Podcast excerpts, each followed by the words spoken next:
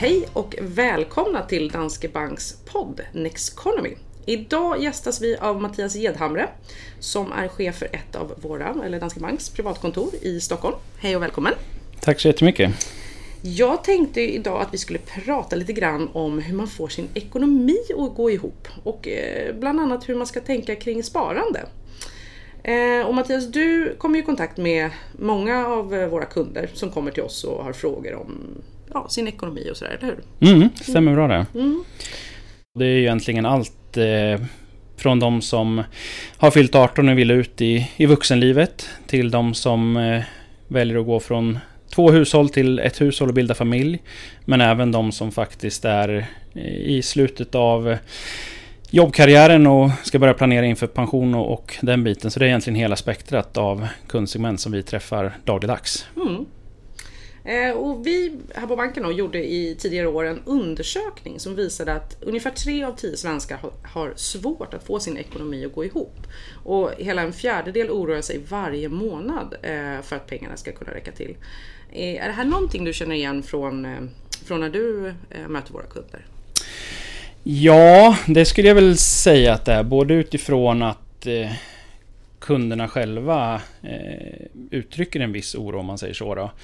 Eh, men kanske också utifrån att eh, vi eller rådgivarna framförallt eh, ja, men lite i sin rådgivning får upp ögonen för kunderna och deras ekonomi. Att de kanske i vissa fall bör oroa sig eller planera lite mer för, kring och eh, för sin ekonomi för framtiden.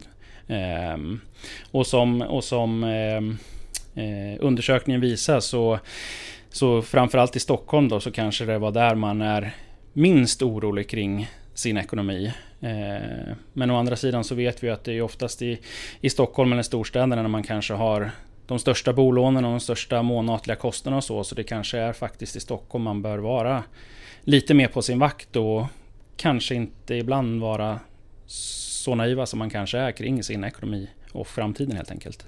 Mm. Eh, undersökningen visade också att en, en, en, femtedel, eller en femtedel uppger sig eh, känna sig ekonomiskt otrygga. Eh, och om man nu är ja, en av de här personerna eller en, eh, ett hushåll som känner så, eh, att man har svårt att få ekonomin att gå ihop. Eh, var ska man börja för att få ta tag i det? Ja, alltså ehm, det tråkiga svaret får nog ändå bli det här med att eh, ha någon form av eh, kontroll och lite, en, ja, men en, en, förenklad budget kring sin, sin hushållsekonomi. Och då menar jag inte att det behöver vara liksom en detaljerad Excel-snurra, liksom så, men, men ändå ha eh, lite koll på, okej, okay, vart, vart tar lönen vägen? Vilka delar av, eh, av ens levnadskostnader går faktiskt lönen till, om man säger så? Eh, och sen också eh, ja, men mm, det här med, med sparande. Det går inte att blunda för att det är så otroligt viktigt.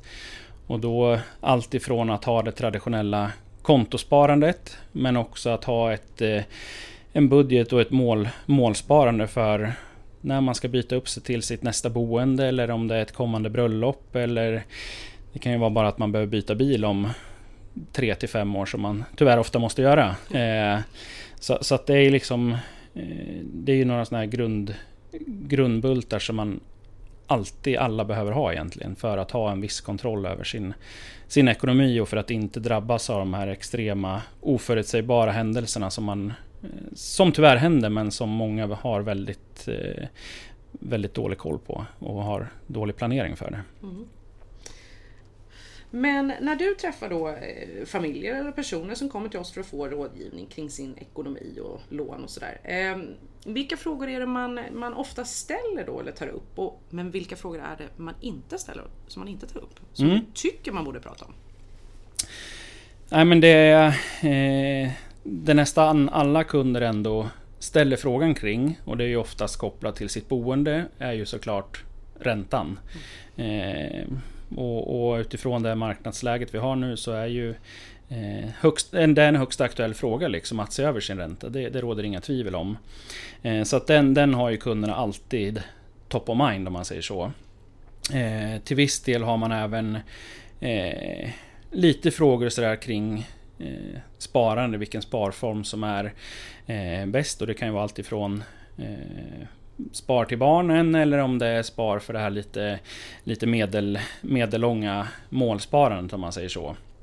Så där, där har vi kommit en bit på väg med kundens medvetande kring det om man säger så. Men det kunderna väldigt sällan, för att nästan säga aldrig, tar upp själva är ju just det här efter yrkeslivet. Vad, eh, vad bör jag tänka på? Hur behöver jag planera för min pension? Det där sparandet är eh, oroväckande eh, långt ner på en kunds, eh, eh, ja, en kunds agenda och speciellt om man är mitt i livet eller, eller ännu yngre om man säger så.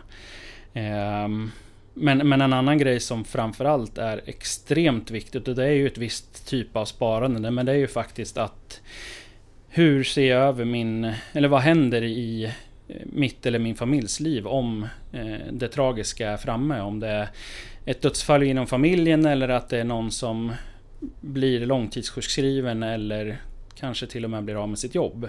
Hur, hur är vi röstade för eh, den situationen?